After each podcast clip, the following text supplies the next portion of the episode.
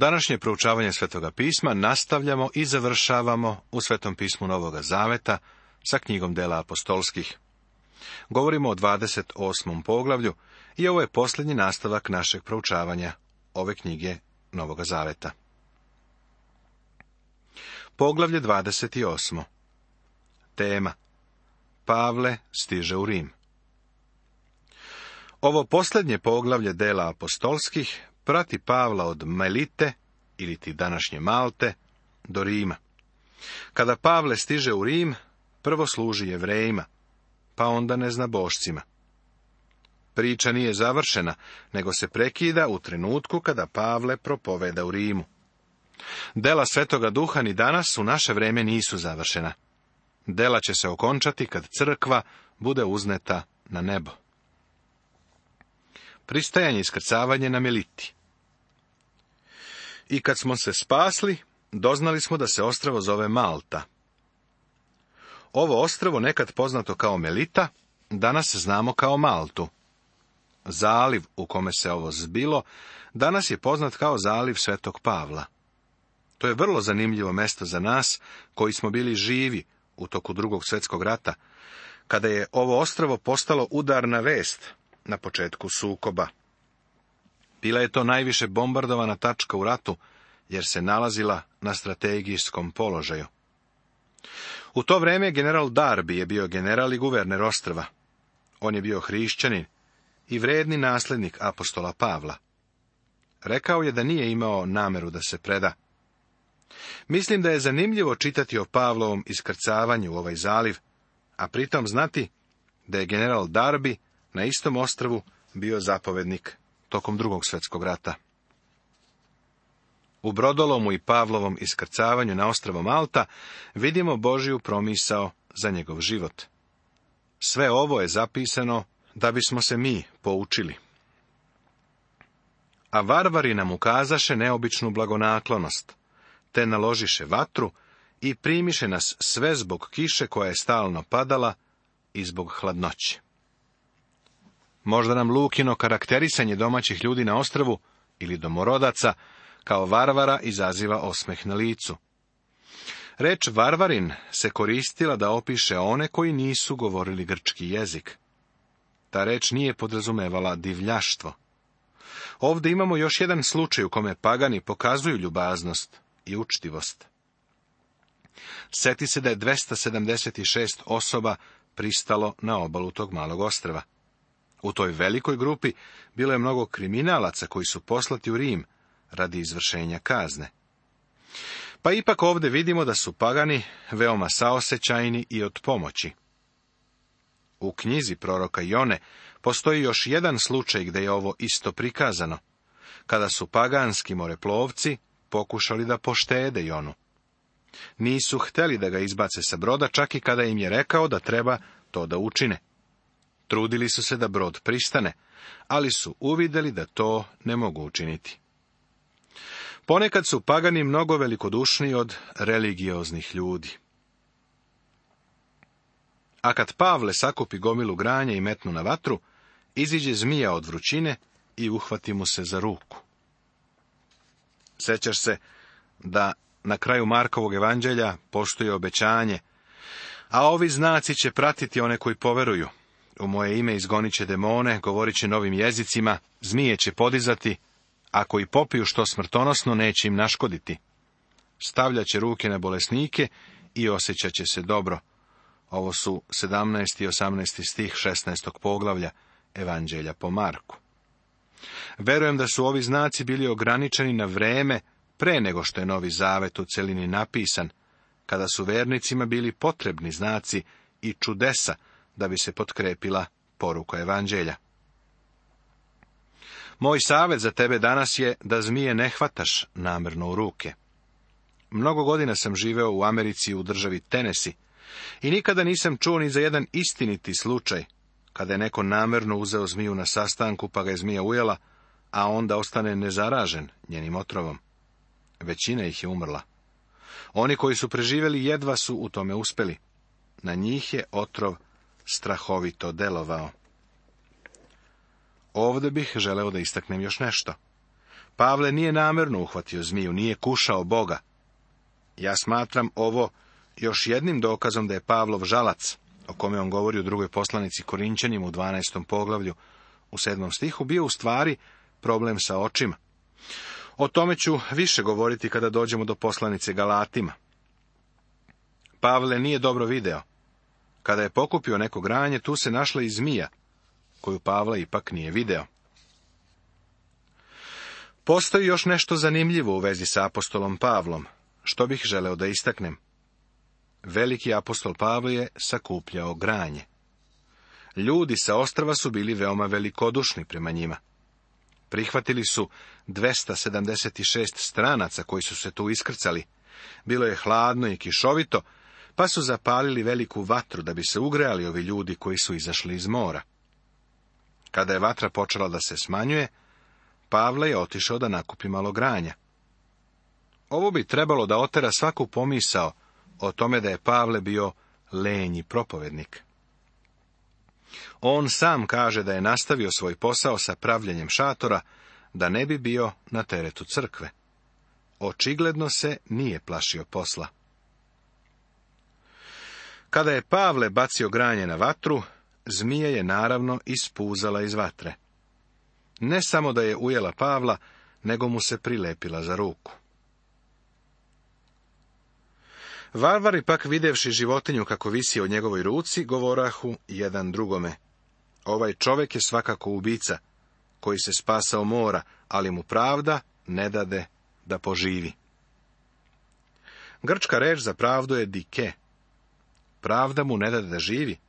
Drugim rečima, smatrali su da je Pavle kriv za neki veliki zločin, pa ga je stigla pravda, pobegao je od mora, ali će sada sigurno umreti od zmije. Iskreno govoreći, mislim da su seli i posmatrali da vide šta će mu se desiti. Očekivali su da svakog trenutka počne da mu otiče ruka, a da potom padne mrtav. Iz tužnih iskustava svoga naroda su to već znali. Zato su očekivali da se to desi i Pavlu. Zapazi kako su ovi pagani imali osjećanje pravde. Pretpostavili su da je Pavle neki ubice i da je zaslužio kaznu. U našim današnjim uslovima ljudi bi pomogli zločincu da se vrati na more i eventualno izbegne kaznu. Ovaj događaj nam pokazuje da je po celom rimskom carstvu vladalo osjećanje za pravdu. Paganski Rim je dao svoj doprinos svetu. Rim čuven po pravdi, ne po milosti. Gresi se nisu opraštali. Ako si prekršio zakon, platio bi kaznu. Pod gvozdenom petom Rima svet je vapio za milošću. Bila je to priprema za dolazak Hrista kao spasitelja od greha, da bi ljudski rod upoznao Božje oproštenje a on samo otrese životinju u vatru i nikakvo zlo mu se dogodi. Oni su međutim dočekivali da će on da otekne ili odjednom da padne mrtav. Kad posle dugo čekanja videše da mu se nikako zlo nije dogodilo, promeniše svoje mišljenje i govorahu da je on neki bog. Božije obećanje dato u Markovom evanđelju u 16. poglavlju u 18. stihu ispunilo se kroz Pavlovo iskustvo. Pavle nije trpeo nikakve posljedice od ujeda zmije. Kada danas ljudi namjerno uzimaju zmije i pozivaju se na ovo obećanje kao na svoju zaštitu, odstupaju od onoga što je Bog imao na umu. Kada su ljudi vidjeli da se Pavlu nije desilo nikakvo zlo, došli su do zaključka da nije kriminalac, nego Bog. Iako su i u ovom sudu podjednako pogrešili, ovo je ipak Pavlu omogućilo da uspostavi dobar kontakt na Malti. Poglavar ostrava po imenu Publije imao je imanje u toj okolini, te nas prihvati i ugosti ljubazno tri dana. I dogodilo se da je Publijev otac ležao mučen groznicom i srdoboljom. Pavle uđe k njemu, pomoli se Bogu, položi ruke na njega i izleči ga. Pavle sada koristi svoj apostolski dar. Ušao je i molio se. Očigledno je da se nije molio za čoveka, molio se za sebe. Odnosno, molio se da razluči šta je Božja volja. Da li ovaj čovek treba da bude isceljen preko Pavla? Pavle se molio da to sazna. Posle toga događaja i drugi bolesnici na ostrvu dolažahu i behu izlečeni. Oni nam ukazaše i mnoge počasti, a prilikom odlaska snabdeše nas onim što nam je bilo potrebno. Postavljalo se pitanje da li je Pavle na Malti uopšte propovedao evanđelje. Ima onih koji veruju da je to mesto na kome Pavle to nije činio. Mislim da je ovo prilika u kojoj Duh Sveti od nas očekuje da koristimo zdrav razum. Naravno da je propovedao evanđelje. Dolazimo do kraja ove knjige, a ovaj događaj se spomenje vrlo kratko, sažeto i u glavnim crtama. Doktor Luka sad već očekuje od nas da znamo šta bi apostol Pavle učinio. Sjeti se da je Pavle čovek koji je napisao, jer sam odlučio da među vama znam samo Isusa Hrista, i to raspetoga.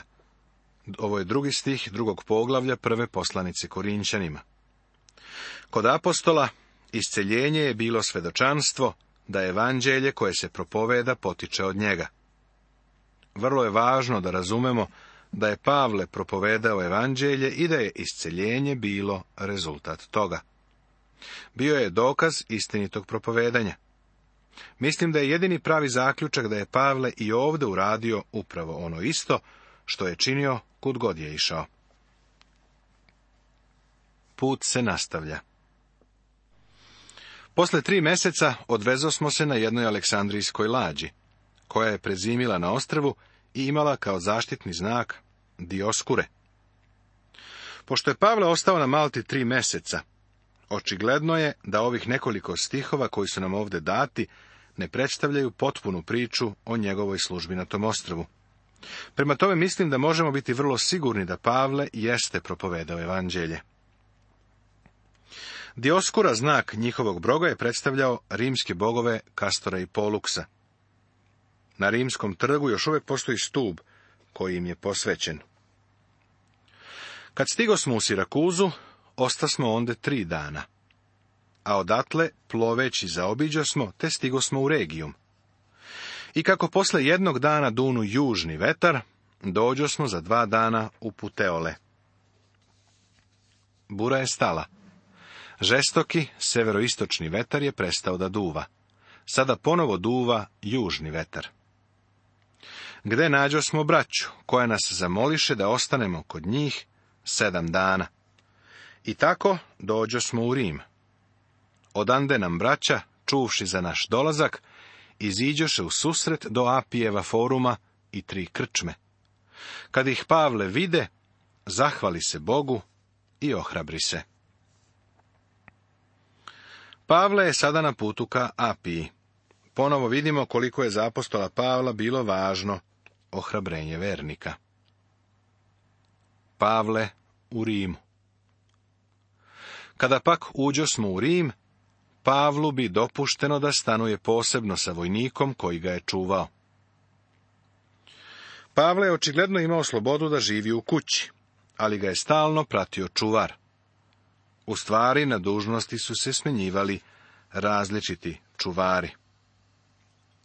A posle tri dana on sazva judejske prvake.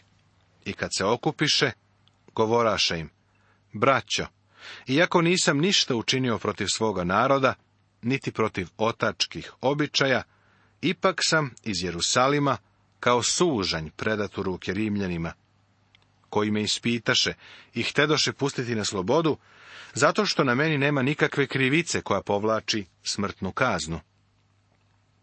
Judeji su se međutim tome protivili i ja sam bio prinuđen da uložim priziv caru, ali ne kao da bih imao šta da tužim svoj narod. Zbog toga sam i vas zamolio da dođete, da vas vidim i da vam progovorim, jer za nadanje Izraeljevo okovan sam ovim lancem. Vidimo kako Pavle i dalje koristi svoj uobičajeni sistem. Prvo pristupa jevrejima objašnjava im zašto je doveden u Rim. Oni mu pak rekoše, mi iz Judeje nismo primili nikakvo pismo u vezi s tobom. Niti je ko od braće došao i javio ili rekao što rđava o tebi. Ipak, bit će nam zadovoljstvo da od tebe čujemo šta ti imaš na umu. Poznato nam je na ime za ovu sektu, da se svuda protiv nje govori. I tako mu zakazaše jedan dan, te još više njih dođe k njemu u stan. Njima je izlagao o carstvu Božijem na taj način što je svedočio i ubeđivao ih od jutra do večeri svedočanstvima iz Mojsijevog zakona i iz proroka, u sve što se odnosi na Isusa. I dok njegove reči ubediše jedne, drugi ne Ovdje vidimo kakvu je slobodu Pavle imao kao zatvorenik. Očito je da je vrlo veliki broj ljudi smeo da dolazi kod njega kući. Međutim, stalno je uz njega bio stražar koji ga je čuvao. Ponovo ovdje vidimo da je apostol Pavle koristio svoje poreklo i poznavanje staroga zaveta da bi jevreje uverio o Isusu. Kao i uvek, na njegovu poruku je postojao dvostruk odgovor.